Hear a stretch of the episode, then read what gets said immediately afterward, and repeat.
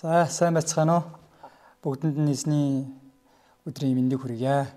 Энэ газар бас та бүхэнтэйгээ онлайнаар уулзч байгаадаа баяртай байна. Тэгээд э, өнөөдрийн бэлгийн суралцах номлын нэр бол Бурхны хаанчлалын сургаалт зөвлөл байгаа. За хамтдаа дөрвийн 26 дугаар ишлэлийг уншицгаая. За эхлэе. Тэр Бурхны хаанчлал нь газарт үр цацаж байгаа хүнтэй адил юм аа. За авийн цагийн төлөө залбирая. Хайртай эзэм данд баярлалаа. Гэмтээ бидний Есүс Христийн нэрээр суурь аварч гисэн талархаж байна. Энэ цагт бас таны үгнээс суралцах боломжийг бас өгж аваад баярлалаа. Энэ хүү цагийг та өөрийн ариун сүнс өөрийн мэрэгэн юухан дотор та өдрөдөн өрөөж өгөөрэй. Сонсож байгаа хүмүүрийн зүр сэтгэлийг бас бэлдэж зөөлөж бас сайн хөрс мэт байлгаж өгөөрэй. Үнэхээр таны үгийг бас дамжуулж байгаа.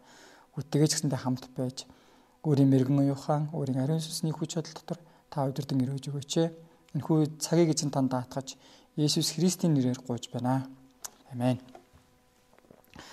За өмнөх номлоор бид э, дөрвөн төрлийн хөрс буюу Бурхны үгийг хүлээн авч буй хүмүүсийн зүрх сэтгэлийн зүрх сэтгэлийн талаар суралцсан байна.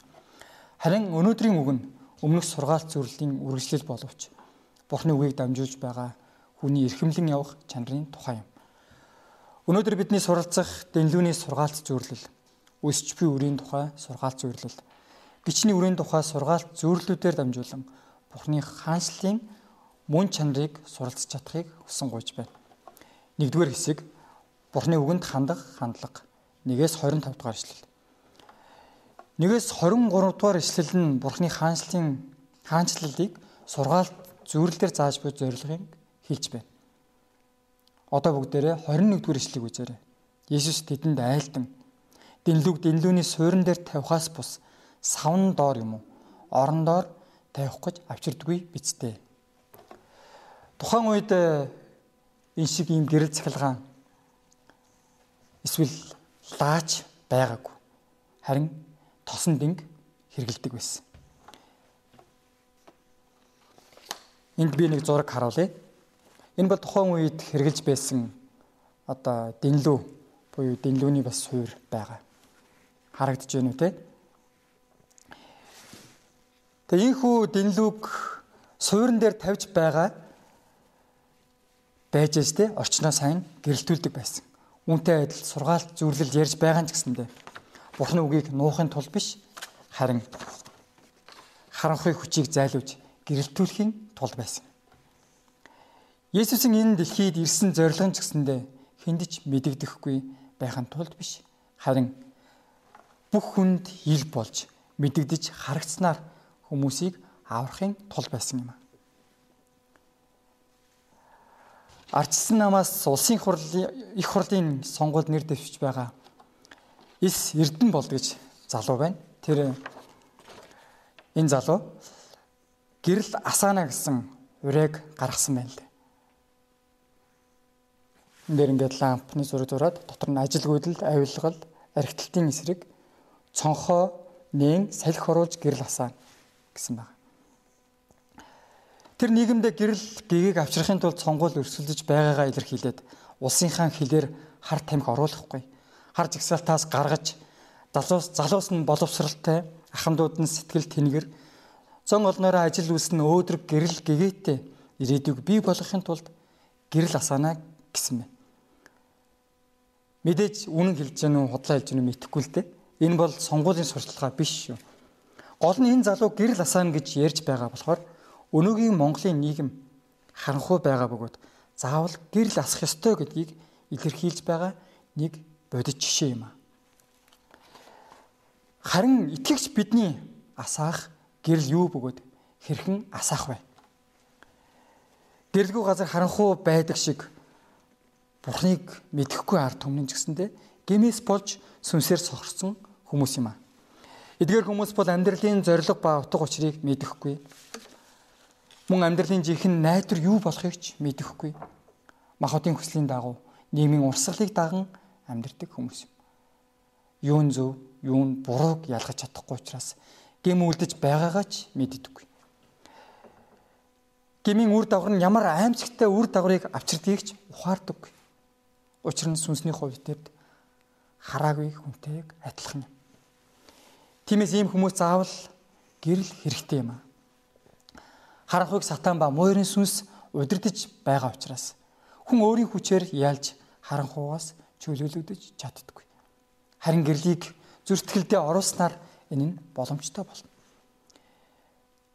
Тэгвэл тэрхүү гэрэл бол Бурхны үг ба Есүс Христ юм аа. Энэ гэрлийг бид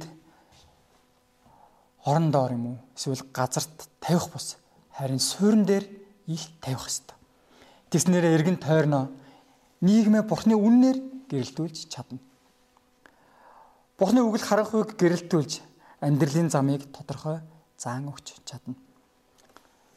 Мөн хаанаас ирээд хаашаа явах, юуны төлөө оршин байгаа утга учир, амьдралын зориг ба жинхэнэ найдвар юу болохыг Бурхны үг л бидэнд зааж өгдөг.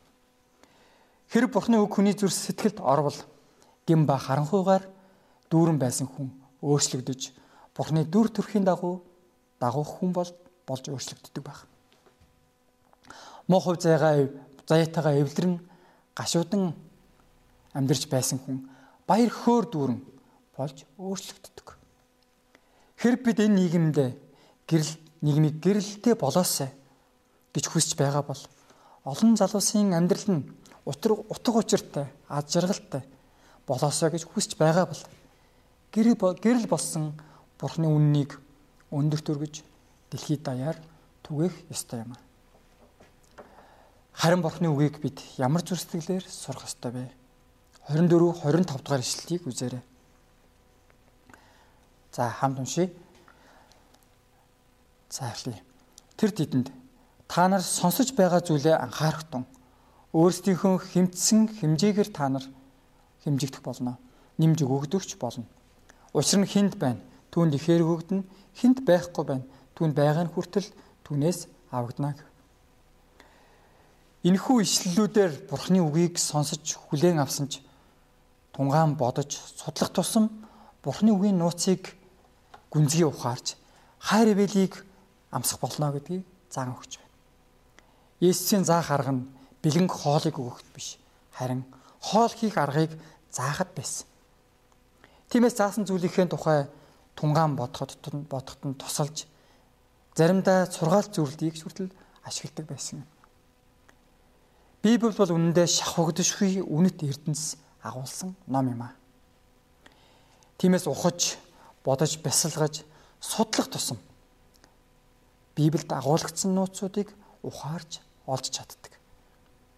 Есүс биднээс Бурхны үгийг бүрэн ухаарч, бүрэн анхаарч, гүнзгий тунгаан бодож, утга учирыг нь ухан ойлгохын тулд судлаасай гэж хүсдэг. Газарт байгаа алтыг олж авах нь тийм ч хялбарт зүйл биш байдаг. Жишээлх юм бол энэ чулуу байна. Зүгээр жирийн нэг цагаан чулуу харагдаж байгаа. Гэхдээ энэ дотор алт байгаа. Сайн ажиглан харах юм бол гэлтганж байгаа. Харж байна уу? Ялангуяа энэ чулуунаас алтыг гаргаж авах бол маш төвөгтэй ажиллагаа шаардсан хүч хөдөлмөр цаг хугацаа шаардсан ажил байдаг. Би өөрөө энэ зүйлийг хийж исэн учраас маш сайн мэднэ. Үүнтэй адил бурхны үннийг мэдтгийн мэдхийн тулд эргцүүлэн бодоход цаг хугацаа хүч чармаалт зориулж байж бурхны улсын нууцыг күн гүнзгий ухаарах болно. Үүнээс хамаарч сүнсний өсөлт нь харилцан адилгүй байдаг. Зарим хүн тунгаан боцноороо сүнсээр өсч үрт жимстэй амьдарч байхад зарим нь бүр сүнсээр өсөхгүй бүр анх байсан итгэлийг хүртэл алдаж сүнслэг бус хүн болдог. Энэ нь тунгаан бодож өөрийн бололгүйгээр нэг чихээрээ сонсоод нөгөө чихээрээ гарган ёс төдий сурсантай холбоотой байдаг. Тиймээс сүнслэг сүнсний өсөлт нь Бурхны үгийг хэр зэрэг бясалгаж тунгаан ботхоос шалтгаалдаг юм аа.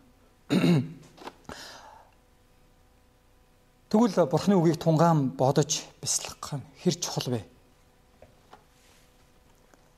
хүн унсан зүйлийнхээ 10%-ийг сонсон зүйлийнхээ 20-ыг харсан зүйлийнхээ 30%-ийг хараад сонссон зүйлийнхээ 50%-ийг өөрийнхөө хэлсэн зүйлийн 80%-ийг хэлээд үйлдсэн зүйлийн 90%ийг нь эргэж сандаг баг. Хэлээ хэлээд үйлдэх юм бол бид нар ихэнхийг баг эргэж сандаг байна те. Тэгэхээр хэрвээ бид нар ямар нэг зүйлийг нэг удаа хэлэх юм бол 7 хоногийн дараа тий одоо тэрний тэр хэлсэн зүйлийнх нь 96%-ыг мартсан байдаг. Тиймээс энэ 7 хоногт суралцж байгаа үгийг ч гэсэндээ 7 хоног болгон сурч байгаа тэр мессежүүдийг, хичээлүүдийг ч гэсэндээ тухай бүрдэн те тунгаан бодож, сэтгэлд бичиж ялангуяа цээжлэх юм уу? Библийн хичээл хийж хэрэгжүүлэх алхмуудыг хийснээр бидний сурсан зүйлсүүдээ 80-аас 90% нь хадгалан үлдэж өөртөө авч үлдэж чадах нь гэсэн үг. Тэгвэл өнөөдөр бид ямар сэтгэлээр Бурхны үгийг сурч байгаа болоо гэж бодож үтцгээе. Хов хүн үгээр бодож үзээрэй. Би ямар сэтгэлээр Бурхны үгийг сурч байгаа бол сурсан зүйлийн хэдэн хувь нь миний амьдралд хэрэгжиж байгаа болоо гэж. Миний хувьд биеийн хичээл хийхдээ ихэнхдээ л урьдчилан би дааж бэлтгэдэггүй. Тэгээд тунгаан боддоггүй. Мөн хийснийг нь зөвхөн бичиж аваад заримдаа бичиж авдагчгүй байна. Зөвхөн бусад заах үедээ л хувьчлан судалж тэгээд бэлтгэдэг.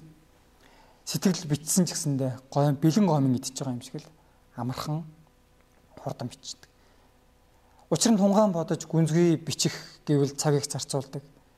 Тийм учраас заримдаа бас залхуурдаг.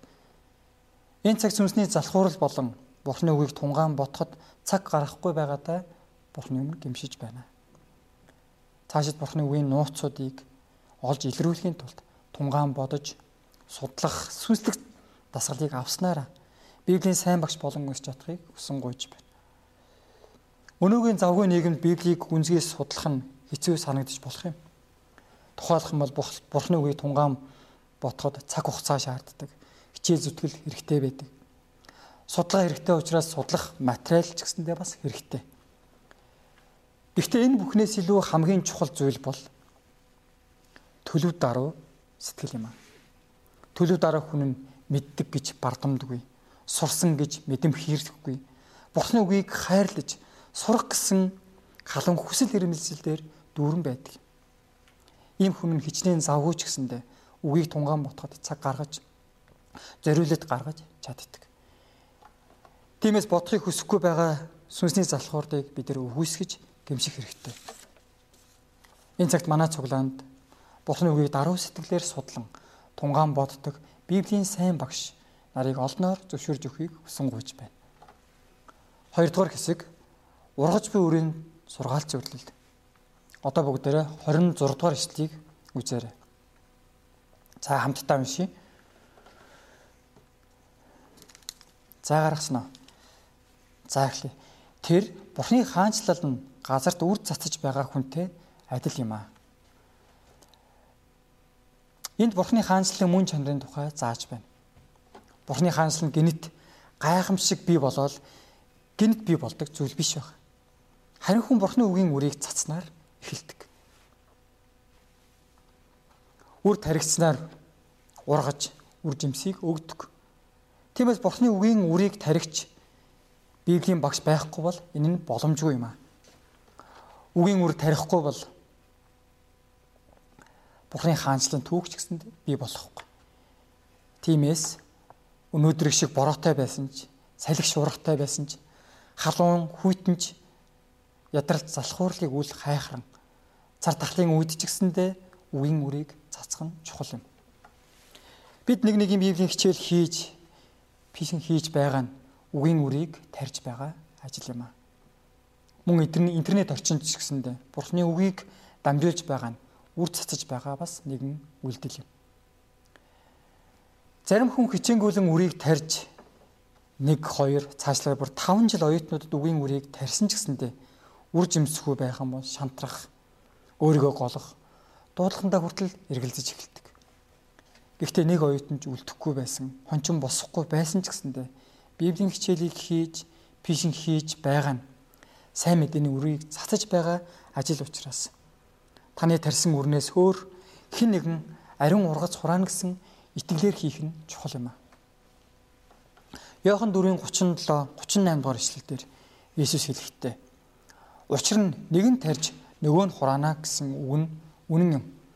Та нарын зүдэд зүтгээгүй юмыг хураалгахын тулд би та нарыг илгээвэ. Бусдын зүдэд зүтгэсэн бөгөөд та нар тэдний зүдэл зүтгэлд оролцсон гэж айдваа. Хэрэг бид үр жимсийг хураан авч байгаа бол хин нэгэн өмнө үрийг тарьсан учраас юм. Тиймээс бид үр жимсэнд хит автан улаарах биш. Харин өдөгтэйгээр үгийн үрийг цацаж чадахыг хүсэнгуйч. Манай цуглааны Батэрдэн гэж залуу байгаа. Оюутан байхдаа сайн мэдээг сонсож Библийн хичээл хийснээрээ Бурхны үгийн үр түүнд таригдсан. Гэвч тэр тухайн үедээ цуглаанд тууштай явж Иесийн дагалдагчаар өсөөгөө. Гэхдээ олон жилийн дараа тэр бурхан дээр гимшин эргэж ирж ялангуяа UBF цуглаандаа иргэн ирснээр Библийн хичээлийг хийж одоо сүмсээр өсөн явж байна. Энэ цагт бид бүхэн Бурхны хаанчлалыг байгуулж буй түүхийг бүтээгчд гэсэн бахархал ба итгэлээр Бурхны үгийг тунхаглан амьдрч чадахыг хүсэн гуйж байна. Одоо 27 дугаар ишлэгийг үзээрэй. Шүн нь унтаж өдөр нь боссоор үр яаж ургаж үсэж байгааг тэр өөрөө ч мэдэхгүй гэсэн. Хөрсөн тарсан үрийн ургалтыг хинч харж чадахгүй бөгөөд энэ бол маш нууцлаг зүйл байдаг. Энд нэг зураг харуулъя. Энэ бол үр хөрсөн таригдсан үр баг. Тэгээ хөрс байна. Тэгэхээр энэ хөрсөн дор ургаж байгаа энэ үрийг бид нар харж чадах Тэгээ энэ бол маш оо гайхамшигтай, маш юр бусын тий нууцлаг зүйл байдаг. Тариачин өөрөө сайн үрийг тарьсан бол миний тарьсан үр ургана гэдэгт эргэлзэхгүйгээр итгэдэг. Тиймээс үр ургаж буй эсхийг мэдхийн тулд байн байн ухаал одоо соёо гарчиж одоо үндэс гарчиж гэж шалгах шаардлагагүй. Мөн эсвэл өдөр шүнгүй ажиглаж хараад ургаж байна уу, урахгүй байна уу гэж суудаг. Харин төрс тарьсан үрээ ургана гэдэгт итгэлтэй байдаг. Учир нь үр өөрөө амьд бөгөөд амийн хүчтэй юм аа. Үүний адил Бурхны үг ч гэсэндээ амьд юм. Хэрэг бид сайн мэдээний үрийг тарьсан бол өөрөөс шаард өөрөөсөө шаардах тэр усалгааг, арчилгааг тохиромжтой тэр нөхцөлийг нь бүрдүүлээд төвчээртэйгээр хүлээх нь чухал юм аа. Үр тарсны дараа соёо гарч ирэхгүй байвал урахгүй байна гэж санаа зовдөг. Гэхдээ цаг нь болоход үрийн соёо инхүү гарч ирдэг. Соёо гарч ирсэн бол нүдэнд харагдаж байгаа учраас сайн ургаж байна уу, муу ургаж байна уу, хатаж байна уу? Тэ тэр бүхнийг нь харж чаддаг учраас цаг тухайд нь хэрэгтэй тэр арчилгаа тордлогоог хийж чаддаг байна. 1-р Коринт 3-ын 6 7-д ингэж хэлсэн байна. Би тарьсан, Аполлоссан, харин Бурхан ургуулсан. Тиймээс таригчч, услагчч юу ч биш. Харин ургуулдаг нь Бурхан гэж хэлсэн. Тэгэхээр хэн тарьсан, хэн усалсан, хэн хурааж байгаа нь чухал биш юм. Эцэстээ ургуулагч нь ганц Бурхан юм аа. Зарим хүн би тарьсан учраас би үрийг цацсан учраас уруулж байгаа гэж эндүрдэг. Мэдээж үр ургах сайн орчин бүрдүүлж арчиж чадах боловч үр ургахад ямар ч нөлөөг хинж үзүүлж чадахгүй юм. Үр ургахад шаардлагатай хур бороог дулааныг нарны гэрлийг бурхан л хангаж өгснөөрөө сайн ургадаг. Ийхүү үр ургаж байгаа нь бурханы ажил юм аа. Одоо 28 29 дэх эшлэгийг үзээрэй. Үр ургахад үе шат байдаг.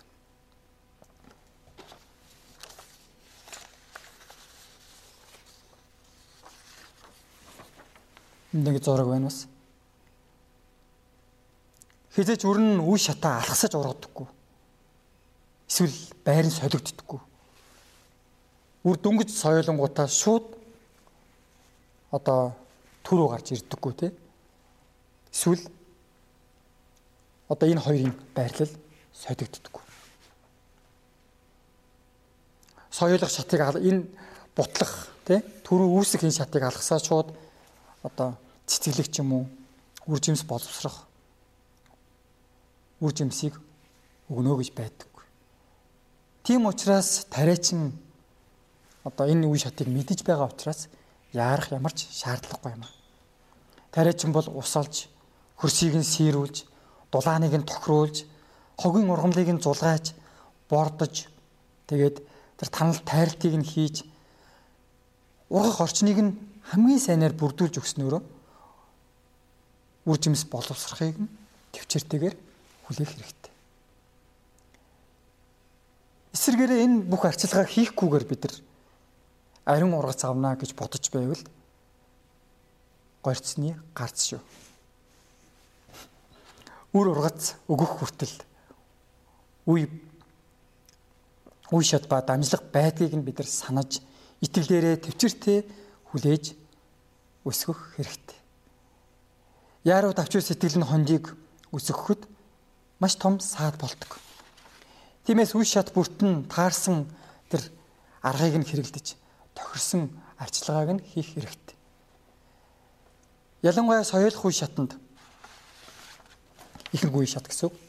Энэ үе шатанд нь маш эмзэг байдаг учраас маш сайн анхаарал хандуулж бүрцээж бойжуулах нь чухал байдаг. Тиймээс тохиромжтой тэр дулааныг нь, тохиромжтой тэр чигийг нь, тохиромжтой тэр гэрлийг нь тэр ургах орчныг нь сайн бүрдүүлж өгөх нь маш чухал байдаг. Ингэснээрээ бат бөх үндэс бий болно. Тэгээд иш бий болно Инхүү цааш өөрөө бие дан ургах чадвартай болж өсдөг баг. Сүнсний хувьд гэсэндээ энэ нь шинхэн итгэж байх үе учраас маш сайн анхаарал хандуулж, халамжилж, хайраар өсгөн бөөцөл хэрэгтэй. Мөн ямар ч үед туслахад бэлэн байж тохирсон бурхны үгийг нь тухай бүрд нь өгч байх нь чухал юм аа. Дараагийн үе шат бол төрөө гарч ирэх үе байна. За энэ үе шат гэж ойлгож болно. Төрөө гарч ирэх буюу бас бутлах тий олон иш бий болох үе шат байгаа. Энэ бол нэлээд бас өндөр ургацсан тэгээд бие даасан байдаг тийм үе шат байгаа. Энэ үед гадны нөлөөнөөс хамгаалах хэрэгтэй байдаг. Ялангуяа хортон шавж, өвчин ч юм уу тэгээд тэр гаднаас ирэх тэр нөлөөллийг нөлөөллөөс нь хамгаалах хэрэгтэй байдаг. Энэ үе шатанд хүмүүс хүмүүсийн хувьд бол анхаарал нь маш сулардаг. За миний дагалдагч одоо сайн өсөж байна. Итгэлээр үнэхээр өсөж байна. Цуглаандаа сайн явж байна. Библийн хичээлээ сайн хийж байгаа гэж тайвширч тэгээд санаа амардаг. Гэвч анхаарал болгоомж алдснаас болоод ургац алдах, хохирол амсах аюул байдаг юм. Тиймээс шаардлагатай хэмжээгээр бордож, өвчин хортноос нь хамгаалж арслах ажлыг сайн хийж өгвөл ариун ургац авах үндэс бүрдэнэ. Энэ үе шат нь итгэлийн хувьд тодорхой хэмжээнд өссөн байдаг учраас тайвширч зөнд нь орхиж анхаарал сулардаг. Яг тэрхэн мөчлөл дайсан довтолж уруу татлаханд автан бүдрэх аюултай байдаг.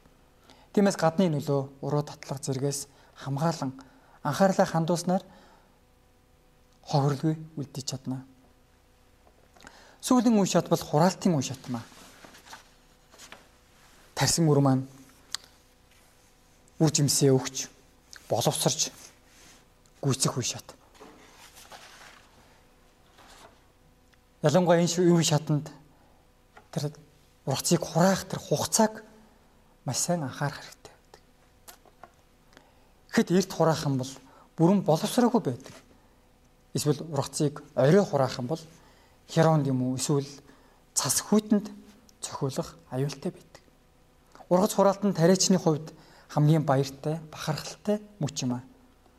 Учир нь бүхэл тэр 5-аас 6 сарын турш хөдөлмөрлсөн хөдөлмөрийнхөө үр шимийг хүртдэг учраас хончид бидний хувьд гэсэндэ дагалдуулж байх хүний хурдан өсч урган үр жимс ургуулахыг л хүсч байдаг учраас яарсан сэтгэлээр хандах гэж хандах гээд байдаг. Цаг барихгүй, дуулуургүй, үргэлж хэрэг тарьж зовоогоод байвал орхимоор санагддаг. Мөн янз бүрийн хүнд хэцүү дасгалуудыг өгснөөрөө өөрөөсөө улам холдуулж харилцаагаа ч гэсэндээ нурааж орхидог. Харин оюутан хондын төвшин өсөлтийн явцад зохицуулан хажуугаас нь сайн тусалж сүнслэг арчилгааг өөрийн зүгээс сайн хийж өгснөөр Бурхны цагт боловсрдог тэр баяр баясгалан ургац хураалтын үн цэнийг эдэлж чадахыг хүсэн гойж байна. Амен. 3 дугаар хэсэг гичний үрийн тухай сургаалт зөвлөлт. Одоо бүгдээрээ 31 32 дугаар ишлэлийг үзээрэй. За уншия.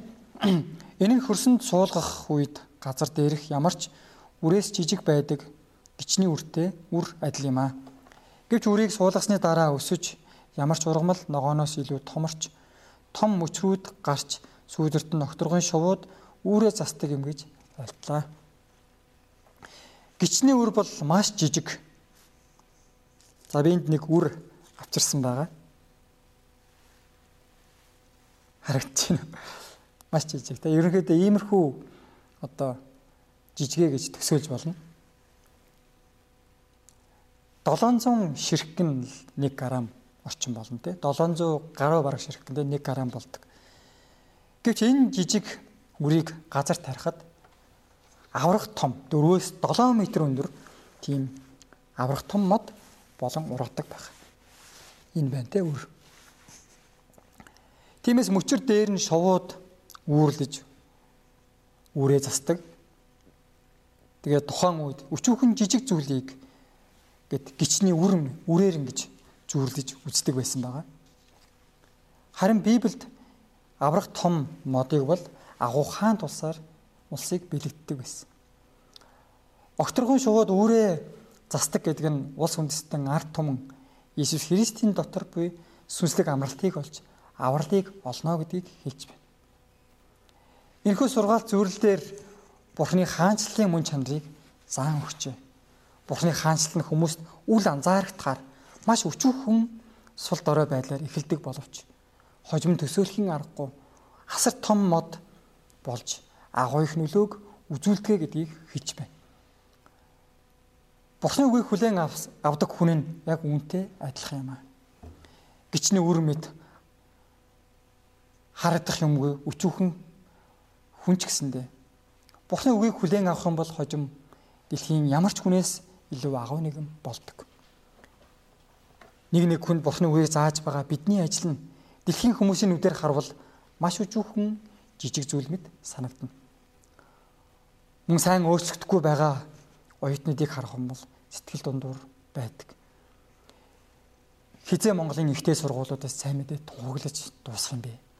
Хизээ Монгол улс маань сайн мэдээгээр бүрэн дүүрч тахилж ус ариун үндэстэн болох юм бэ? Хизээ сайн мэдээ бүх үндэстэнд хүрч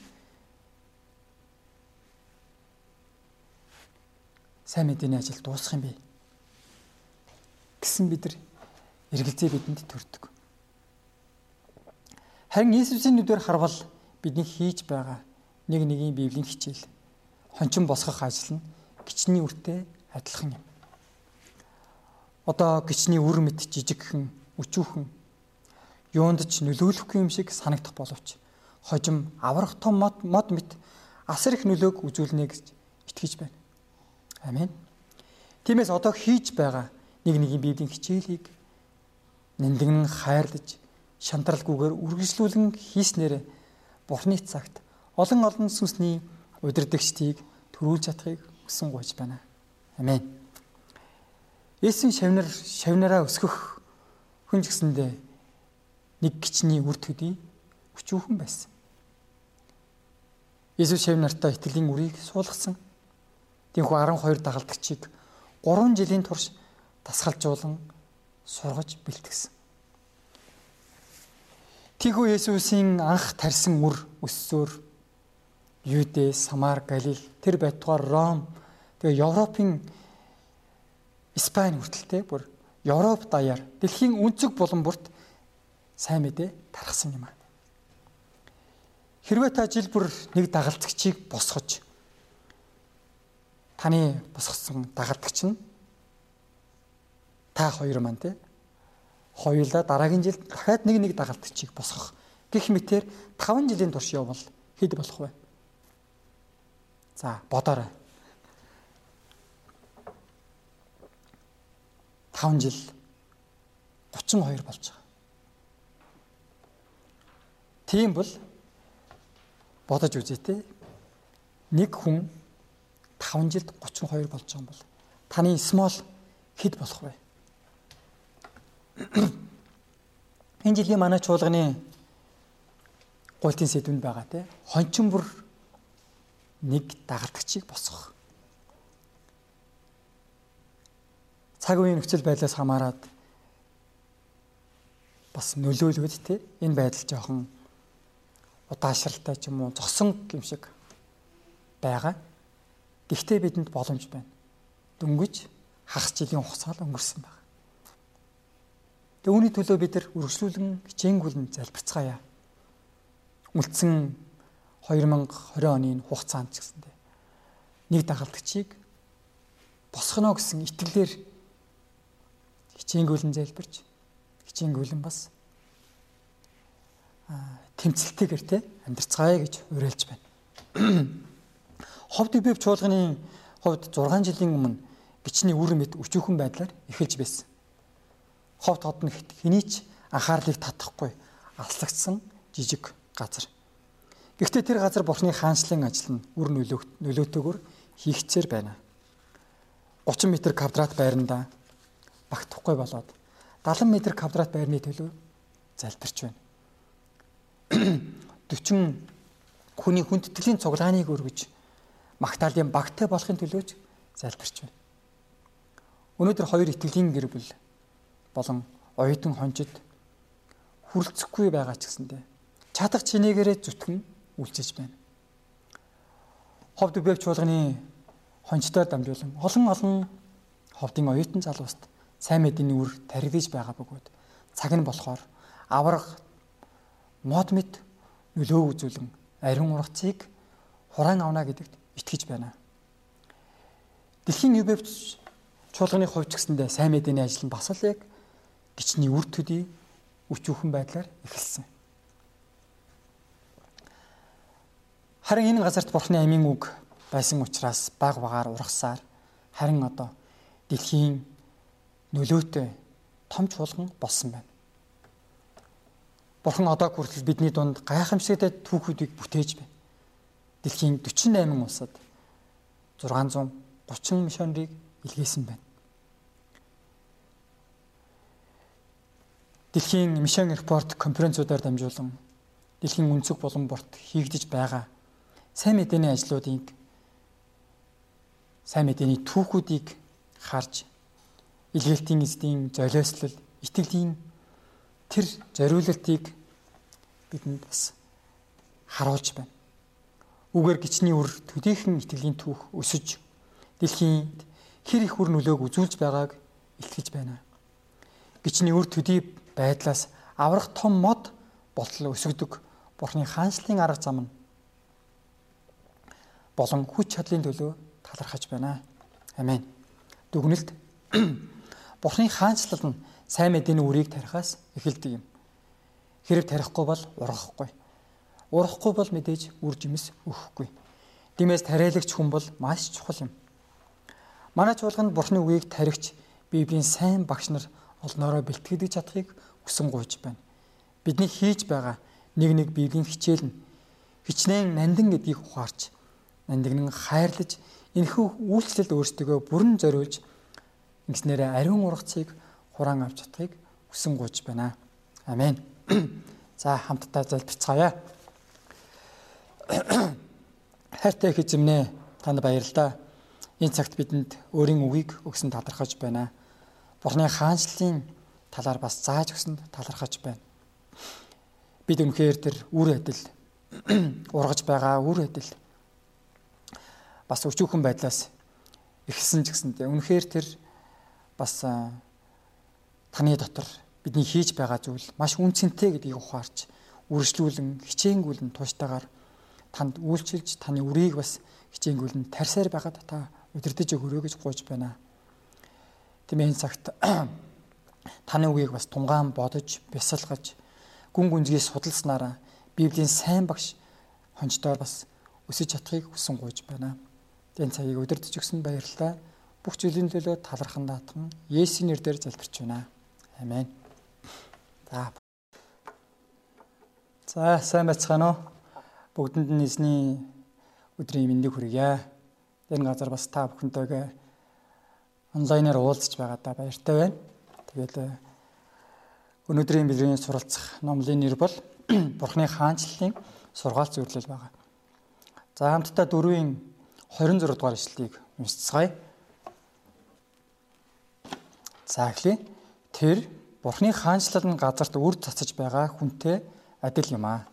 За би энэ цагийн төлөө залбирая. Хайртай эзэмдэнд баярлалаа. Гэмтээ бидний Есүс Христийн нэрээр сур аварч гисэн талархаж байна. Энэ цагт бас таны үгнээс суралцах боломжийг бас өгж аваад баярлалаа. Энэ хүү цагийг та өөрийн ариун сүнс өөрийн мэрэгэн юухан дотор та өдрөдөн өрөөж өгөөрэй. Сонсож байгаа хүмүүрийн зүрхтгэлийг бас бэлдэж зөөлөж бас сайн хөрс мэт байлгаж өгөөрэй. Үнэхээр таны үгийг бас дамжуулж байгаа. Үтгэж гэсэндээ хамт байж өөрийн мэрэгэн юухан өөрийн ариун сүнсний хүч чадал дотор та өдрөдөн өрөөж өгөөч. Энэхүү цагийг эзэн танд даатгаж Есүс Христийн нэрээр гуйж байна. Амен. За өмнөх номлоор бид э, дөрвөн төрлийн хөрс буюу Бурхны үгийг хүлээн авч буй хүмүүсийн зүрх сэтгэлийн зүрх сэтгэлийн талаар суралцсан байна. Харин өнөөдрийн үг нь өмнөх сургаалт зөвлөлийн үргэлжлэл боловч Бурхны үгийг дамжуулж байгаа хүний эрхэмлэн явах чанарын тухай юм. Өнөөдөр бидний суралцах дэнлүүний сургаалт зөвлөл өсч буй үрийн тухай сургаалт зөвлөл. Гичний үрийн тухай сургаалт зөвлөлүүдээр дамжуулан Бурхны хаанчлалын мөн чанарыг суралцж чадахыг хүсэн гуйж байна. Нэгдүгээр хэсэг Бурхны үгэнд хандах хандлага. 1-ээс 25 дугаар ишлэл. 1-ээс 23 дугаар ишлэл нь Бурхны хаанчлалын хаанчлалыг сургаалт зөвлөлөөр зааж буй зорилгыг хэлж байна. Одоо бүгдээрээ 21 дугаар ишлэгийг үзээрэй. Есүс тэдэнд айлдан Дэнлүг дэнлүүний суурин дээр тавихаас бус савн доор юм уу? Орон доор тавих гэж авчирдгүй бицтэй. Тухайн үед э, энэ шиг ийм гэрэл цахилгаан эсвэл лаач байгаагүй. Харин тосон динг хэргэлдэг байсан. Энд би нэг зураг харуулъя. Энэ бол тухайн үед хэрглэж байсан одоо дэнлүү буюу дэнлүүний бас суур байгаа харагдаж байна үү те. Тэгээ ийхүү дэнлүг суурин дээр тавьж байгаа байж ш те орчноо сайн гэрэлтүүлдэг байсан. Үүнтэй адил сургаалт зүрлэл ярьж байгаа ч гэсэндэ Бурхны үгийг нуухын тулд биш харин харанхуй хүчийг зайлуулж гэрэлтүүлэхийн тулд байсан. Есүсийн энэ дэлхийд ирсэн зорилго ч гэсэндэ хүндэж мэдэгдэхгүй байхын тулд биш харин бүх хүнд ил болж мэдэгдэж харагдсанаар хүмүүсийг аврахын тул байсан юм. Ардчсан намаас улсын хурлын их хурлын сонгуульд нэр дэвшиж байгаа Ис Эрдэн болд гэж залуу байна. Тэр энэ залуу гэрэл асаана гэсэн урайг гаргасан байна л. Энд дэр ингээд лампны зураг зураад дотор нь ажил гүйдэл, авилгал, архитектийн эсрэг цонхоо нэн салхи оруулж гэрэл асаа гэсэн байна. Тэр нийгэмдээ гэрэл гэгийг авчрахын тулд сонгуул өрсөлдөж байгаагаа илэрхийлээд улсынхаа хилээр хар тамхи оруулахгүй. Хар жагсаалтаас гаргаж залуус залуус нь боловсралтай ахмадууд нь сэтгэл тэнгэр зон олноороо ажил үйлс нь өөдрөг гэрэл гэгээтэй ирээдүг бий болгохын тулд гэрэл асаана гэсэн байна. Мэдээж үнэн хэлж гэнэ үү худлаа хэлж гэнэ үү мэдэхгүй л дээ. Энэ бол сонгуулийн сурталчилгаа биш шүү. Гол нь энэ залуу гэрэл асаана гэж ярьж байгаа болохоор өнөөгийн Монголын нийгэм харанхуй байгаа бөгөөд заавал гэрэл асах ёстой гэдгийг илэрхийлж байгаа нэг бодит жишээ юм аа. Харин итгэгч бидний асаах гэрэл юу бөгөөд хэрхэн асаах вэ?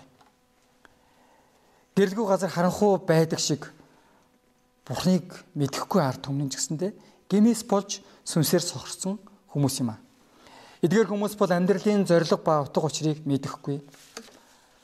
Мөн амьдралын жинхэнэ найдвар юу болохыг ч мэдэхгүй. Махотын хүслийн дагуу нийгмийн урсгалыг даган амьдрдаг хүмүүс юм. Юу нь зөв, юу нь бурууг ялгаж чадахгүй учраас гэм үлдэж байгаагаа ч мэддэггүй. Гэмийн үр дагавар нь ямар аимшигтай үр дагаврыг авчирдгийг ч ухаардаггүй. Учир нь сүнсний хувьд тэд хараагүй хүнтэйг адилхан юм. Тиймээс ийм хүмүүс заавал гэрэл хэрэгтэй юм аа. Харанхуйг сатан ба муурын сүнс удирдах байгаа учраас хүн өөрийн хүчээр ялж харанхуугаас чөлөөлөгдөж чаддаггүй. Харин гэрлийг зүртгэлдээ оруулснаар энэ нь боломжтой болно. Тэгвэл тэрхүү гэрэл бол Бурхны үг ба Есүс Христ юм аа. Энэ гэрлийг бид орон доор юм уу эсвэл газарт тавих бус харин суурин дээр ил тавих хэвээр. Тэснэрээ эргэн тойрноо нийгмээ бурхны үннээр гэрэлтүүлж чадна. Бурхны үгэл харанхуйг гэрэлтүүлж амьдралын замыг тодорхой заан өгч чадна. Мөн хаанаас ирээд хаашаа явах, юуны төлөө оршин байгаа утга учир, амьдралын зориг ба жинхэнэ найдвар юу болохыг Бурхны үгэл бидэнд зааж өгдөг. Хэрэг Бурхны үг хүний зүрх сэтгэлд орвол гин ба харанхуйгаар дүүрэн байсан хүн өөрчлөгдөж Бурхны дүр төрхийн дагуу дагуух хүн бол болж өөрчлөгддөг байх. Муу хувь зайгаа заяатайгаа эвлэрэн гашуудан амьдарч байсан хүн баяр хөөр дүүрэн болж өөрчлөгддөг. Хэрэг бид энэ нийгэмд гэрэл нийгмийг гэрэлтэй болоосай гэж хүсэж байгаа бол олон залуусын амьдрал нь утга утга учиртай, аз жаргалтай болоосоо гэж хүсэж байгаа бол гэрэл гэрэл болсон Бурхны үннийг өндөр төргөж дэлхийд даяар түгээх ёстой юм. Харин Бурхны үгийг бид ямар зүр сэтгэлээр сурах ёстой вэ? 24 25 дугаар ишлэлийг үзээрэй. За хамт уншия. За эхлэе. Тэр тэдэнд та нар сонсож байгаа зүйлээ анхаарах тун өөрсдийнхөө хэмтсэн хэмжээгээр та нар хэмжигдэх болно. Нимж өгөгдөгч болно. Учир нь хүнд байна. Түүнд ихээр өгөгдөн, хүнд байхгүй байна. Түүнд байгаа нь хүртэл түүнээс авагдана гэв. Энэхүү ишлэлүүдээр Бурхны үгийг сонсож хүлээн авсан ч тунгаан бодож судлах тусам Бурхны үгийн нууцыг гүнзгий ухаарч хайр ивэлийг амсах болно гэдгийг зан өгч байна. Есүсийн заах арга нь бэлэн хоолыг өгөхд биш. Харин хоол хийх аргыг заахад байсан. Тиймээс заасан зүйлийнхээ тухай тунгаан бодоход бодоход нь тусалж заримдаа сургаалт зүйлдийг хүртэл ашигладаг байсан. Библи бол үнэндээ шахагдшгүй үнэт эрдэнэс агуулсан ном юм аа. Тиймээс ухаж, бодож, бясалгаж, судлах тусам Библиэд агуулгдсан нууцуудыг ухаарж олж чаддаг. Есүс биднээс Бурхны үгийг бүрэн ухаарч бүрэн анхаарч гүнзгий тунгаан бодож утга учирыг нь ухан ойлгохын тулд судлаасай гэж хүсдэг. Газарт байгаа алтыг олж авах нь тийм ч хялбарт зүйл биш байдаг. Жишээлх юм бол энэ чулуу байна. Зүгээр жирийн нэг цагаан чулуу харагдаж байгаа. Гэхдээ энэ дотор алт байгаа. Сайн ажиглан харах юм бол гэлтганж байгаа. Харж байна уу? Ялангуяа энэ чулуунаас алтыг гаргаж авах бол маш төвөгтэй ажиллагаа шаардсан хүч хөдөлмөр цаг хугацаа шаардсан ажил байдаг. Би өөрөө энэ зүйлийг хийж исэн учраас маш сайн мэднэ. Үүнтэй адил бурхны үннийг мэдтгийн мэдхийн тулд эргцүүлэн бодоход цаг хугацаа хүч чармаалт зориулж байж Бурхны улсын нууцыг күн гүнзгий ухаарах болно. Үүнээс хамаарч сүнсний өсөлт нь харилцан адилгүй байдаг. Зарим хүн тунгаан боцноороо сүнсээр өсч жимстэй амьдарч байхад зарим нь бүр сүнсээр өсөхгүй бүр анх байсан итгэлийг хүртэл алдаж сүнслэг бус хүн болдог. Энэ нь тунгаан бодож өөрийн бололгүйгээр нэг чихээрээ сонсоод нөгөө чихээрээ гарган ёс төдий сурсантай холбоотой байдаг.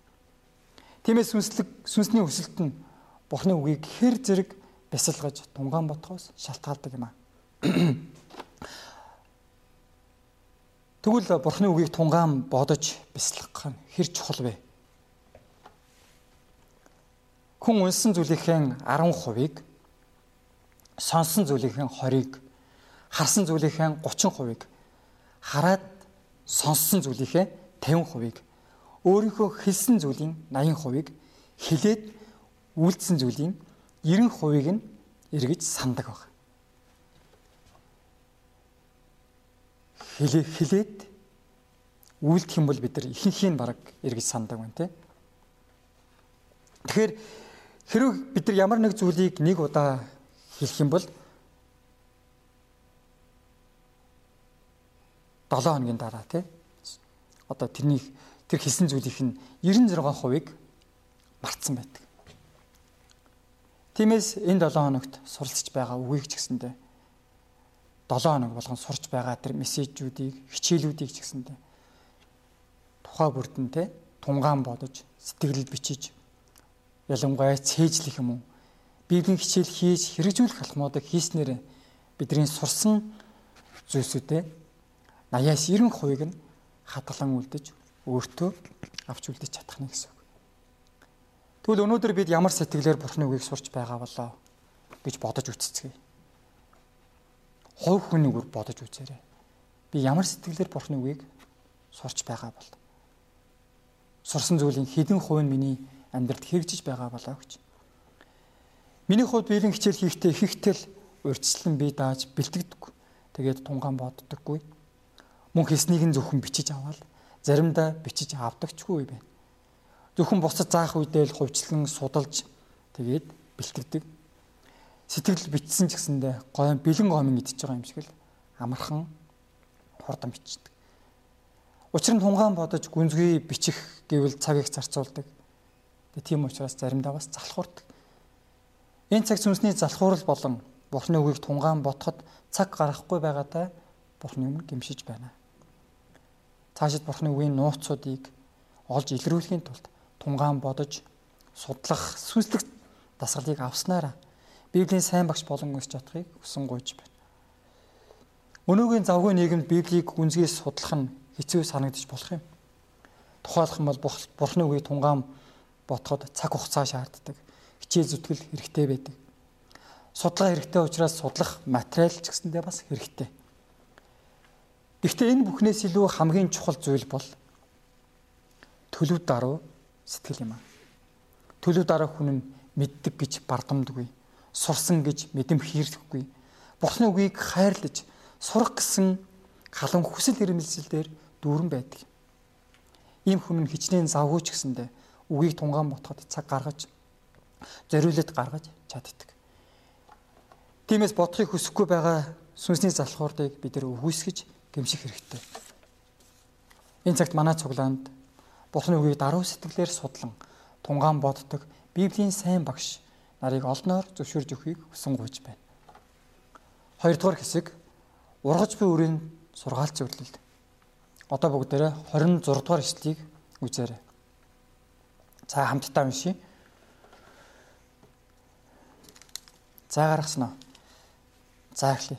Тэр Бурхны хаанчлал нь газарт үр цацаж байгаа хүнтэй адил юм аа. Энд Бурхны хаанчлалын мөн чанарын тухай зааж байна.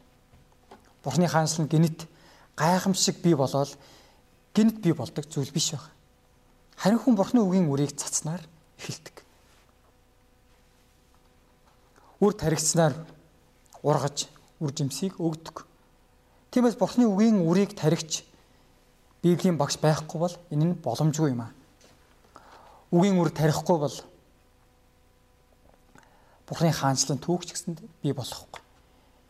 Тиймээс өнөөдрийг шиг бороотой байсан ч, салхи шуургатай байсан ч, халуун хүйтэнч ядралт залхуурлыг үл хайхран цар тахлын үед ч гэсэндээ үгийн үрийг цацх нь чухал юм. Бид нэг нэг юм Библийн хичээл хийж пишин хийж байгаа нь үгийн үрийг тарьж байгаа ажил юм аа. Мөн интернет орчинд ч гэсэндэ Бурхны үгийг дамжуулж байгаа нь үр цацаж байгаа бас нэгэн үйлдэл юм. Зарим хүн хичээнгүүлэн үрийг тарьж 1 2 цаашлаа бүр 5 жил оюутнуудад үгийн үрийг тарьсан ч гэсэндэ үр жимсэхгүй байх юм бол шантрах, өөрийгөө голох, дуудлагандаа хүртэл эргэлзэж эхэлдэг. Гэхдээ нэг оюутан ч үлдэхгүй байсан, хончин босохгүй байсан ч гэсэндэ Библийн хичээлийг хийж, пишин хийж байгаа нь сайн мэдээний үрийг цацаж байгаа ажил учраас таны тарьсан үрнээс өөр хэн нэгэн ариун ургац хураана гэсэн итгэлээр хийх нь чухал юм аа. Йохан 4:37 38 дугаар ишлэлдэр Иесус хэлэхдээ учир нь нэгэн тарьж нөгөө нь хураана гэсэн үг нь үнэн юм. Та нарын зүдэд зүтгээгүй юмыг хураалгахын тулд би та нарыг илгээвэ. Бусдын зүдэд зүтгэсэн бөгөөд та нар тэдний зүдэл зүтгэлд оролцсон гэж айдваа. Хэрэг бид үр жимсийг хураан авч байгаа бол хин нэгэн өмнө нь үрийг тарьсан учраас юм. Тиймээс бид үр жимсэнд хит автан улаарах биш. Харин өдөгтэйгээр үгийн үрийг цацаж чадахыг хүсэн гуйж. Манай цуглааны Батэрдэн гэж залуу байгаа. Оюутан байхдаа сайн мэдээг сонсож Библийн хичээл хийснээрээ Бурхны үгийн үр түүнд таригдсан. Гэвч тэр тухайн үедээ цуглаанд тууштай явж Есүсийн дагалдагчаар өсөөгөө. Гэхдээ олон жилийн дараа тэр Бурхан дээр гимшин эргэж ирж ялангуяа UBF цуглаандаа иргэн ирснээр Библийн хичээлийг хийж одоо сүмсээр өсөн явж байна. Энэ цагт бид бүхэн Бурхны хаанчлалыг байгуулж буй түүхийг бүтээгчд гэсэн бахархал ба итгэлээр Бурхны үгийг тунхаглан амьдрч чадахыг хүсэн гуйж байна. Одоо 27 дугаар ишлэгийг үзээрэй. Шүн нь унтаж, өдөр нь боссоор үр яаж ургаж үсэж байгааг тэр өөрөө ч мэдэхгүй гэсэн. Хөрсөн тарсан үрийн ургалтыг хинч харж чадахгүй бөгөөд энэ бол маш нууцлаг зүйл байдаг. Энд нэг зураг харуулъя. Энэ бол үр хөрсөн таригдсан үр баг. Тэгээ хөрс байна. Тэгэхээр энэ хөрсөн дор ургаж байгаа энэ үрийг бид нар харж чадахгүй. Тэгээ энэ бол маш оо гайхамшигтай, маш юр бусын тий нууцлаг зүйл байдаг. Тариачин өөрөө сайн үрийг тарьсан бол миний тарьсан үр ургана гэдэгт эргэлзэхгүйгээр итгэдэг. Тиймээс үр ургаж буй эсхийг мэдхийн тулд байн байн ухаал одоо соёо гарчиж одоо үндэс гарчиж гэж шалгах шаардлагагүй. Мөн эсвэл өдөр шүнгүй ажиглаж хараад ургаж байна уу, урахгүй байна уу гэж суудаг. Харин төрс тарьсан үрээ ургана гэдэгт итгэлтэй байдаг. Учир нь үр өөрөө амьд бөгөөд амийн хүчтэй юм аа. Үүний адил Бурхны үг ч гэсэндээ амьд юм. Хэрэг бид сайн мэдээний үрийг тарьсан бол өөрөөс шаард өөрөөсөө шаардах тэр усалгааг, арчилгааг тохиромжтой тэр нөхцөлийг нь бүрдүүлээд төвчээртэйгээр хүлээх нь чухал юм аа. Үр тарсны дараа соёо гарч ирэхгүй байвал урахгүй байна гэж санаа зовдөг. Гэхдээ цаг нь болоход үрийн соёо инхүү гарч ирдэг. Соёо гарч ирсэн бол нүдэнд харагдаж байгаа учраас сайн ургаж байна уу, муу ургаж байна уу, хатаж байна уу? Тэ тэр бүхнийг нь харж чаддаг учраас цаг тухайд нь хэрэгтэй тэр арчилгаа тордлогоог хийж чаддаг байна. 1-р Коринт 3-ын 6 7-д ингэж хэлсэн байна. Би тарьсан, Аполлоссан, харин Бурхан ургуулсан. Тиймээс таригчч, услагчч юу ч биш. Харин ургуулдаг нь Бурхан гэж хэлсэн. Тэгэхээр хэн тарьсан, хэн усалсан, хэн хурааж байгаа нь чухал биш юм. Эцэстээ ургуулагч нь ганц бурхан юм аа. Зарим хүн би тарьсан учраас би үрийг цацсан учраас ургуулж байгаа гэж эндүрдэг. Мэдээж үр ургах сайн орчин бүрдүүлж арчиж чадах боловч үр ургахад ямар ч нөлөөг хинж үзүүлж чадахгүй юм үр ургахад шаардлагатай хур бороог дулааныг нарны гэрлийг бурхан л хангаж өгснөөрөө сайн ургадаг. Ийхүү урга үр ургаж байгаа нь бурханы ажил юм аа. Одоо 28 29 дугаар ишлэгийг үзээрэй. Үр ургахад үе шат байдаг.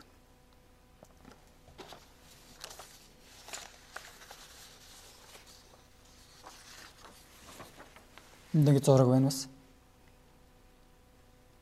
Хизээч өрн үе шатаа алхасаж ургадаггүй. Эсвэл байрын солигддоггүй. Үр дөнгөж соёлонгуудаа шууд одоо төрөө гарч ирдэггүй тий. Эсвэл одоо энэ хоёрын байрлал солигддоггүй.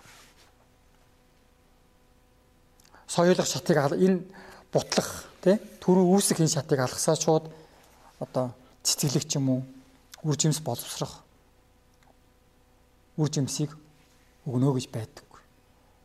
Тийм учраас тариачин одоо энэ үе шатыг мэдэж байгаа учраас яарах ямар ч шаардлагагүй юм аа. Тариачин бол ус олж, хөрсийг нь сийрүүлж, дулааныг нь тохируулж, хогийн ургамлыг нь зулгайж, бордож тэгээд тэр танал тайралтыг нь хийж ургах орчныг нь хамгийн сайнаар бүрдүүлж өгснөөрөө үр жимс боловсрохыг нь төвчээртэйгээр хүлээх хэрэгтэй. Эсвэргээрээ энэ бүх арчилгааг хийхгүйгээр бид нар ариун ургац авна гэж бодож байвал горьцны гарц шүү. Үр ургац өгөх хүртэл үе үе шат ба дамжлах байдгийг нь бид нар санаж итгэлээрээ төвчөртэй хүлээж өсгөх хэрэгтэй. Яаруу давчуу сэтгэл нь хондийг өсгөхөд маш том саад болдог. Тиймээс үе шат бүртэн таарсан тэр аргыг нь хэрэглэж тохирсон арчилгааг нь хийх хэрэгтэй. Ялангуяа соёлох үе шатанд ихэнх үе шат гэсэн. Энэ үе шатанд нь маш эмзэг байдаг учраас маш сайн анхаарал хандуулж бүрцээж бойжуулах нь чухал байдаг. Тиймээс тохиромжтой тэр дулааныг нь, тохиромжтой тэр чигийг нь, тохиромжтой тэр гэрлийг нь тэр ургах орчныг нь сайн бүрдүүлж өгөх нь маш чухал байдаг. Ингэснээрээ бат бөх үндэс бий болно. Тэгээд иш бий болно. Инхүү цааш өөрөө бие дан ургах чадвартай болж өсдөг байна. Сүнсний хувьд гэсэндээ энэ нь шинхэн итгэж байх үе учраас маш сайн анхаарал хандуулж, халамжилж, хайраар өсгөн бөөцөл хэрэгтэй. Мөн ямар ч үед туслахад бэлэн байж тохирсон бурхны үгийг нь тухай бүрд нь өгч байх нь чухал юм аа. Дараагийн үе шат бол төрөө гарч ирэх үе байна. За энэ үе шат гэж ойлгож болно. Төрөө гарч ирэх буюу бас бутлах тий олон иш бий болох үе шат байгаа. Энэ бол нэгэн бас өндөр ургацсан тэгээд бие даасан байдаг тийм үе шат байгаа. Энэ үед гадны нөлөөнөөс хамгаалах хэрэгтэй байдаг. Ялангуяа хортон шавж, өвчин ч юм уу тэгээд тэр гаднаас ирэх тэр нөлөөллийг нөлөөллөөс нь хамгаалах хэрэгтэй байдаг. Энэ үе шатанд хүмүүс Хүмүүсийн хувьд бол анхаарал нь маш сулардаг. За миний дагалдагч одоо сайн өсч байна. Итгэлээр үнэхээр өсч байна. Цуглаандаа сайн явж байна. Библийн хичээлээ сайн хийж байгаа гэж тайвширч тэгээд санаа амардаг. Гэвч анхаарал болгоомж алдснаас болоод ургац алдах, хохирол амсах аюул байдаг юм. Тиймээс шаардлагатай хэмжээгээр бордож өвчин хортноос нь хамгаалж арслах ажлыг сайн хийж өгвөл ариун ургац авах үндэс бүрдэнэ. Энэ үе шат нь итгэлийн хувьд тодорхой хэмжээнд өссөн байдаг учраас тайвширт зөнд нь орхиж анхаарал сулардаг. Яг тэрхэн мөчлөл дайсан довтолж уруу татлаханд автан бүдрэх аюултай байдаг. Тиймээс гадны нөлөө уруу татлах зэргээс хамгаалan анхаарлаа хандуулснаар хохирлгүй үлдэж чадна. Сүүлийн үе шат бол хураалтын үе шат маа. Тарсын мөр маань үр жимсээ өгч боловсрч гүйцэх үе шат. Ялангуяа энэ үе шатанд тэр ургацыг хураах тэр хугацааг маш сайн анхаарах хэрэгтэй байдаг. Тэгэхэд эрт хураах юм бол бүрэн боловсроогүй байдаг. Эсвэл ургацыг орой хураах юм бол херонд юм уу эсвэл цас хүйтэнд цохиулах аюултай байдаг. Ургац хураалтын тариачны хувьд хамгийн баяртай, бахархалтай мөч юм аа. Учир нь бүхэл тэр 5-аас 6 сарын турш хөдөлмөрлсөн хөдөлмөрийнхөө үр шимийг хүртдэг учраас хончид бидний хувьд гэсэндээ дагалдуулж байх хүний хурдан өсч урган үр жимс ургуулахыг л хүсч байдаг учраас яарсан сэтгэлээр хандах гэж хандах гээд байдаг. Цаг барихгүй, дуулуургүй, үргэлж хэрэг тарьж зовоогоод байвал орхимоор санагддаг. Мөн янз бүрийн хүнд хэцүү дасгалуудыг өгснөөрөө өөрөөсөө улам холдуулж харилцаагаа ч гэсэндээ нурааж орхидог. Харин оюутан хондын төвшин өсөлтийн явцад зохицуулан хажуугаас нь сайн тусалж сүнслэг арчилгааг өөрийн зүгээс сайн хийж өгснөөр Бурхны цагт боловсрдог тэр баяр баясгалан ургац хураалтын үн цэнийг эдэлж чадахыг хүсэн гойж байна. Амен. 3 дугаар хэсэг гичний үрийн тухай сургаалт зөвлөлт. Одоо бүгдээрээ 31 32 дугаар ишлэлийг үзээрэй. За уншия. Энийн хөрсөнд суулгах үед газар дээрх ямарч үрээс жижиг байдаг гичний үртэй үр адил юм аа. Гэвч үрийг суулгасны дараа өсөж ямарч ургамал ногооноос илүү томорч том мөчрүүд гарч сүүдэрт нь окторгон шувууд үүрээ застдаг юм гэж ойлтлаа. Гичний үр бол маш жижиг. За би энд нэг үр авчирсан байгаа. Байна маш жижиг. Тэгээ ерөнхийдөө иймэрхүү одоо жижигэ гэж төсөөлж болно. 700 ширхгэн 1 грамм орчим болно тий. 700 гаруй бараг ширхгэндээ 1 грамм болдог. Гэвч энэ жижиг үрийг газар тарихад аврах том 4-өөс 7 м өндөр тийм аврах том мод болон ургадаг байх. Энэ байна те үр. Тиймээс мөчр дээр нь шовууд үүрлэж үрээ застдаг. Тэгээд тухайн үед өчүүхэн жижиг зүйлийг гэд гичний үрм үрээр ингэж зүүрлэж үздэг байсан байгаа. Харин Библиэд аврах том модыг бол агуу хаан тусаар улсыг бэлэгддэг байсан. Окторгон шувууд үрээ застдаг гэдэг нь улс үндэстэн ард түмэн Иесус Христийн дотор буй сүнслэг амралтыг олж авралыг олно гэдгийг хэлж байна. Энэхүү сургаалт зөвөрлөлөөр Бурхны хаанчлалын мөн чанарыг заан өгчээ. Бурхны хаанчлал нь хүмүүст үл анзаарахтаар маш өчүүхэн сул дорой байдлаар эхэлдэг боловч хожим төсөөлхийн аргагүй асар том мод болж агуу их нөлөөг үзүүлдэг гэдгийг хэлж байна. Бурхны үгийг хүлээн авдаг хүн нь яг үүнтэй адилхан юм аа. Гичний үр мэд харагдах юмгүй өчүүхэн хүн ч гэсэндээ Бурхны үгийг хүлээн авах юм бол хожим дэлхийн ямар ч хүнээс илүү агуу нэгэн болдог. Нэг нэг хүнд Бурхны үгийг зааж байгаа бидний ажил нь дэлхийн хүмүүсийн нүдээр харвал маш өчүүхэн жижиг зүйл мэт санагдана.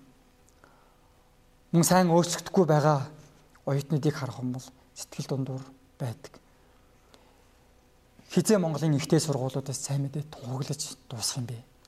Хизээ Монгол улс маань сайн мэдээгээр бүрэн дүүрч тахилж ус ариун үндэстэн болох юм бэ. Хизээ сайн мэдээ бүх үндэстэнд хүрч сайн мэдээний ажил дуусах юм бэ гэсэн бид нар эргэлзээ бидэнд төрдөг. Харин Иесусийн нүдээр харвал бидний хийж байгаа нэг нэгийн библийн хичээл хончин босгох ажил нь гичний үртэй адилхан юм одоо гичний үр мэд жижигхэн өчүүхэн юунд ч нөлөөлөхгүй юм шиг санагдах боловч хожим аврах том мод мод мэт асар их нөлөөг үзүүлнэ гэж итгэж байна. Амен. Тиймээс одоо хийж байгаа нэг нэгin библийн хичээлийг нэмдэгэн хайрлаж шантралгүйгээр үргэлжлүүлэн хийснээр Бурхны цагт олон олон сүнсний удирдагчдыг төрүүлж чадахыг хүсэн гуйж байна. Амен. Есүс шавнар шавнараа өсгөх хүн гэсэндээ нэг гिचний үр төдий өчүүхэн байсан. Есүс шавнартаа итгэлийн үрийг суулгасан. Тинхүү 12 дагалдагчийг 3 жилийн турш дасгалжуулан сургаж бэлтгэсэн.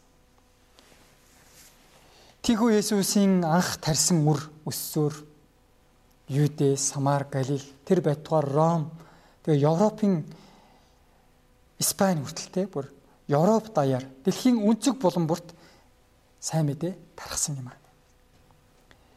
Хэрвээ та жил бүр нэг дагалдагчийг босгож таны босгосон дагалдагч нь та хоёр маань те хоёулаа дараагийн жил дахиад нэг нэг дагалдагчийг босгох гэх мэтэр 5 жилийн турш явбал хэд болох вэ? За бодоорой. 5 жил 32 болж байгаа. Тийм бол бодож үзье те. Нэг хүн 5 жилд 32 болж байгаа юм бол таны small хэд болох вэ? Энэ жилийн манай чуулганы гуйлтын сэдвэнд байгаа те хончин бүр нэг дагалдагчийг босгох. Цаг үеийн нөхцөл байдлаас хамаарат бас нөлөөлөд те энэ байдал жоохон удаашралтай ч юм уу зогсон юм шиг байгаа. Гэхдээ бидэнд боломж байна. Дөнгөж хагас жилийн хугацаа өнгөрсөн байна. Үүний төлөө бид нар үргэлжлүүлэн хичээнгүлэн залбирцгаая. Үлдсэн 2020 оны хугацаанд ч гэсэндээ нэг дагалдагчийг босгоно гэсэн итгэлээр хичээнгүлэн залбирч хичээнгүлэн бас тэмцэлтэйгэр те амьдрцгаая гэж уриалж байна. Ховд бив чуулганы хувьд 6 жилийн өмнө бичний үр мэд өчүүхэн байдлаар эхэлж байсан ховт хотно хэний ч анхаарлыг татахгүй алслагдсан жижиг газар. Гэхдээ тэр газар бурхны хаанчлалын ажил нь үр нөлөөтэйгөр хийгцээр байна. 30 м квадрат байранда багтахгүй болоод 70 м квадрат байрны төлөө залбирч байна. 40 хүний хүндэтгэлийн цуглааныг өргөж магтаалын багтай болохын төлөөч залбирч байна. Өнөөдөр хоёр итгэлийн гэр бүл болон оюутан хонжид хүрэлцэхгүй байгаа ч гэсэндэ чадах чинээгээрээ зүтгэн үлчиж байна.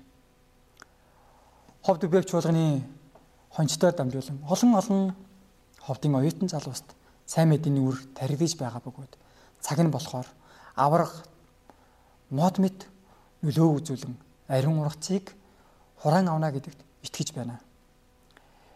Дэлхийн UBF чуулганы хувьд ч гэсэндээ сайн мэдээний ажил нь бас л яг гिचний үр төдий өчүүхэн байдлаар эхэлсэн. Харин энэ газарт Бурхны амийн үг байсан учраас баг багаар ургасаар харин одоо дэлхийн нөлөөтэй том чуулган болсон байна. Бурхан одоо хүртэл бидний дунд гайхамшигтай түүхүүдийг бүтээж байна. Дэлхийн 48 улсад 630 мишонерийг илгээсэн байна. Дэлхийн Mission Report конференцуудаар дамжуулан дэлхийн өнцөг болон борт хийгдэж байгаа сайн мэдээний ажлуудыг сайн мэдээний түүхүүдийг харж илгээлтийн эздийн золиослол итгэлийн тэр зориулалтыг бидэнд бас харуулж байна. Үгээр гिचний үр төдийхөн итгэлийн түүх өсөж дэлхийд хэр их үр нөлөөг үзүүлж байгааг илтгэж байна. Гिचний үр төдий байдлаас аврах том мод болтол өсгдөг Бурхны хаанчлалын арга зам нь болон хүч чадлын төлөө талархаж байна. Амен. Дүгнэлт Бурхны хаанчлал нь сайн мэдээний үрийг тарихаас эхэлдэг юм. Хэрэг тарихгүй бол ургахгүй. Ургахгүй бол мэдээж үр жимс өгөхгүй. Димээс тариалагч хүн бол маш чухал юм. Манай чуулганд Бурхны үгийг тарихч Библийн сайн багш нар олноороо бэлтгэж чадахыг хүсэн гуйж байна. Бидний хийж байгаа нэг нэг библийн хичээл нь хичнээн нандин гэдгийг ухаарч нандинан хайрлаж энэхүү үйлчлэл өөрсдөө бүрэн зориулж ингэснээрээ ариун ургацыг хураан авч чадахыг хүсэн гуйж байна. Амен. За хамтдаа залбирцгаая. Хайртай их эзэмнэ танд баярлалаа. Энэ цагт бидэнд өөрийн үгийг өгсөн талархаж байна. Бурхны хаанчлалын талаар бас зааж өгсөнд талархаж байна. Бид үнэхээр тэр үр адил ургаж байгаа үр адил бас өчүүхэн байдлаас ихсэн ч гэсэндээ үнэхээр тэр бас таны дотор бидний хийж байгаа зүйл маш үнцэнтэй гэдгийг ухаарч үргэлжлүүлэн хичээнгүйлэн тууштайгаар танд үйлчилж таны үрийг бас хичээнгүйлэн тарсаар байгаад та удирдах өгөрөө гэж гуйж байна. Тэмээ энэ цагт таны үгийг бас тунгаан бодож, бясалгаж, гүн гүнзгий судалснараа Библийн сайн багш хончдоор бас өсөж чадахыг хүсэн гуйж байна. Энэ цагийг удирдах өгсөн баярлалаа. Бүх зүйлийн төлөө талархан даатхан Есүсийн нэрээр залбирч байна. Амен.